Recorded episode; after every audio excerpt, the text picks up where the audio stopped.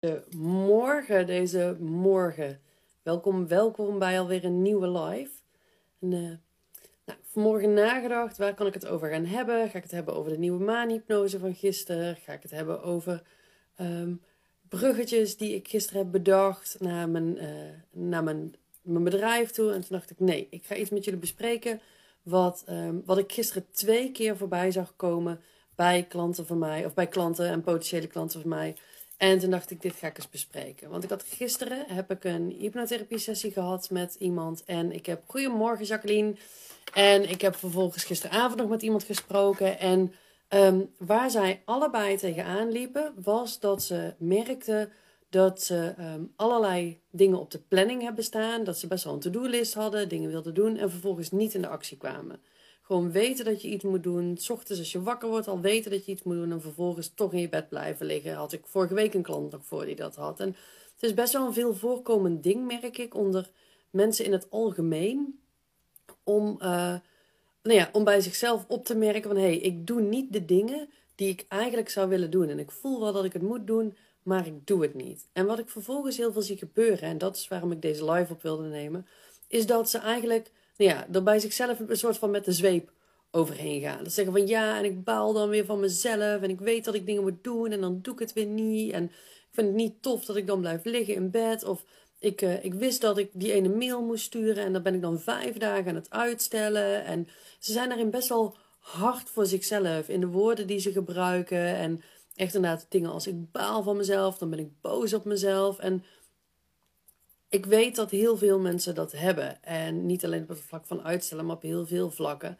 En ik vond het belangrijk om daar vandaag dan even iets over te vertellen. En als dit, dit gaat weer, uh, het is een beetje net als gisteren, het gaat over je brein. En uh, even heel kort, je kunt je brein opdelen in een bewust deel en een onbewust deel. En dat bewuste deel is bijvoorbeeld, uh, nou ja, dat jij zag dat ik live ging en of dat je bij mijn podcast komt en dat je denkt, hé, hey, dat ga ik luisteren. Of dat um, je korte termijn geheugen zit bijvoorbeeld in je, uh, in, je, in, je, nou, in het bewuste deel van je brein. En ook, ik heb nu bijvoorbeeld jeuk aan mijn neus, dat ik besluit wel of niet te krabben. Wel, dat zit in het bewuste deel van je brein. Um, en je hebt dus ook een onbewust deel in je brein. En dat onbewuste deel, daar zitten allemaal patronen, overtuigingen in. Maar daar zitten ook hele functionele dingen. Dus dat mijn hart blijft pompen uh, zit in het onbewuste deel van mijn brein. Dat, mijn, uh, dat ik adem blijf halen zit in het onbewuste deel van mijn brein. Dat als ik ochtends mijn tandenborstel pak, dat ik nog weet hoe ik dat moet doen, want dat heb ik ooit geleerd. Nou, dat zit in mijn onbewuste brein. Dus al dat soort handigheden zitten erin. Maar wat dus ook in je onbewuste brein zit, zijn bijvoorbeeld allerlei patronen, overtuigingen, limiting beliefs, blokkades, angsten. Die zitten ook allemaal daar. Nou, nu is het zo dat dat onbewuste brein, die heeft het oprecht echt het aller, allerbeste met ons voor. Dat onbewuste brein wil niks liever dan dat wij overleven, dat wij, dat wij gelukkig zijn, dat we veilig zijn. En dat doet het op zijn of haar eigen manier. Altijd met absoluut de beste intentie. Um, je bewuste brein is maar 5% van je hele breincapaciteit en je onbewuste brein beslaat 95% van je breincapaciteit. Dus je onbewuste brein is ook vele malen groter dan dat bewuste deel. En um, eigenlijk dat onbewuste deel zorgt dat wij heel veel dingen doen zoals we ze doen. Het is ook veel sneller dan ons bewuste brein. Dus um, zelfs als je de intentie hebt om iets te doen, dat onbewuste brein is je al lang voor. Kun je vergelijken bijvoorbeeld als, stel um, jij wil een pan van het fornuis pakken en je pakt hem zo vast terwijl die gloeiend heet is. Weet je, dan ga je niet eerst nadenken, oh, dit is warm, misschien moet ik mijn handen terugtrekken. Nee, voordat je het eigenlijk door hebt, je hebt zeg pas zeg maar pas door dat het heet is op het moment dat je je handen al los hebt getrokken. Want het onbewuste brein zorgt dat jij je handen lostrekt. Nou, als je ervan uitgaat dat het onbewuste brein het altijd het beste met jou voor heeft. Um, en dan gaat kijken naar dit soort situaties, dan is er een reden dat je onbewuste brein jou uit laat stellen. Er is een reden waarom jouw onbewuste brein denkt van nou, we gaan dit nog even niet doen.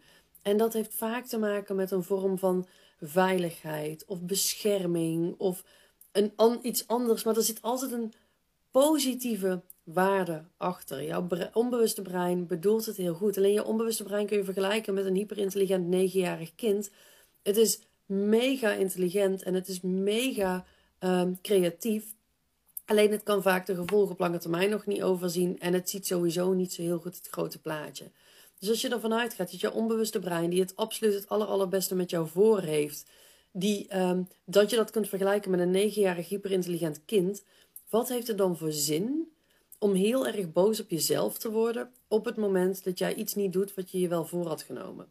En ik zeg daarmee niet dat je een vrijbrief krijgt om dingen maar niet te doen, maar het is dus wel zo dat als dat stuk van jou het heel erg goed met jou voor heeft, alleen een wat onhandige manier heeft om jou dat te laten doen, heeft het dan zin om er heel erg boos op te worden? Weet je, heeft het zin om op een negenjarig kind heel erg boos te worden over iets waar hij of zij de lange termijn gevolgen niet van kan overzien? En waar ik je toe wil uitnodigen vandaag, is om met meer begrip naar jezelf te gaan kijken. Om um, te geloven dat alles wat jij doet een positieve intentie heeft, maar soms een wat onhandige manier van uitvoeren. En dat als jouw onbewuste brein dus zorgt dat jij dingen uitstelt, kan daar iets onder zitten. Weet je, ga eens bij jezelf kijken. Weet ik misschien wat hieronder zit? En weet, ik, weet je dat niet? Weet je, blijf je hier last van houden? Is het iets waar je zelf niet doorheen komt? Weet dan dat je daaraan kunt werken, bijvoorbeeld met hypnotherapie. Net als dat ik vorige week die klant die ik sprak zei van ja, ik kom ochtends, ik weet gewoon dat ik van alles moet gaan doen. Ik wil graag mijn yogamat op, ik wil van alles, maar ik blijf toch liggen. Ja, ik heb met haar in een van de hypnotherapie sessies die ze bij mij heeft gehad, heb ik daaraan gewerkt. En ze merkt dat ze gewoon veel makkelijker uit bed komt s ochtends. Omdat ze gewoon, ja, we hebben iets opgeruimd wat in haar verleden is ontstaan. Ik heb gewerkt met dat onbewuste brein. Ik heb gewerkt met een deel in haar wat, wat haar saboteerde. En nu merkt ze dat dat opgelost is, dat het weg is. Die uh, dame die ik gisteren hielp, die merkte ook dat ze um, opleidingen waar ze op voorboed bereiden, doet ze allemaal last minute. En ze wil al twee jaar een bepaald iets organiseren. Um, wat ze al twee jaar niet doet. En ik heb gisteren specifiek aan dit stuk met haar gewerkt. En aan het einde van de sessie zei ik van ja, weet je, als je nu denkt aan dat ding wat je al twee jaar wilt organiseren, hoe, hoe is dat dan nu? En dat ze zei, ja, ik vind het eigenlijk gewoon te belachelijk voor dat ik het niet gewoon heb gedaan. En ik, ik snap nu niet meer zo goed waarom ik dit niet gewoon op heb gepakt. En ook met het stuk voor haar opleiding, dat ze zat van ja, ik kan wel twee dagen uit gaan lopen stellen en balen van mezelf dat ik het niet gedaan heb. Um, maar waarom zou ik niet gewoon in de actie gaan? Ik zie nu dat Jacqueline in de chat zegt, dan is er nog veel werk aan de winkel. Ja, gelukkig kom je nog bij me, Jacqueline, dus dat komt goed. Dus, maar het is inderdaad zo dat stap 1 is stoppen met jezelf afstraffen. Besef je dat er iets in jou zit wat het altijd het beste met jou voor heeft. Alleen dat het soms wat onhandige manier heeft van dingen uitvoeren. Maar door er met de zweep overheen te gaan, door zo hard voor jezelf te worden, door zo, zo streng te zijn voor dat deel in jou, um, help je het gewoon niet. Hey Paul, goedemorgen. Help je het niet. Dus mijn uitnodiging naar jou vandaag is: ben liever voor jezelf. Um, ben liever voor dat onbewuste deel in jou. En ga gewoon eens kijken van, hey, als ik een uitsteller ben, wat zou daaronder kunnen zitten? Waar beschermt mijn onbewuste mij voor? Waar probeert mijn onbewuste mij op een iets wat onhandige manier, maar toch te helpen? En uh, kom je er zelf niet uit of wil je daar een keer uh, over sparren of wil je iets meer weten over wat hypnose hierin zou kunnen betekenen? Omdat je bijvoorbeeld merkt dat je uitstelgedrag je echt gewoon tegenwerkt in je business, wat natuurlijk fucking jammer is. Um, neem dan gewoon even contact met me op. En dan uh, kunnen we even vrijblijvend bellen en kijken of ik eventueel je wat meer uitleg kan geven. En of ik op een andere manier iets voor je kan betekenen. Nou, um, dat was de boodschap die ik vandaag had. Ik wilde dit graag aan je meegeven. Verder heb ik vandaag op de planning. Ik heb om 10 uur weer een hypnotherapie sessie. Met iemand die uh, een tijdje geleden bij mij een traject heeft gedaan van drie sessies. En die nu haar tweede traject van drie sessies start. Omdat ze nog wat dingen heeft die ze graag op wil ruimen. Dus dat is heel cool. En om één uur heb ik natuurlijk mijn, uh, mijn live online training. Um, de vijf meest gemaakte fouten door spirituele ondernemers, waardoor je praktijk niet van de grond komt. En hoe jij die kunt voorkomen. Je kunt je nog aanmelden via de link in mijn bio.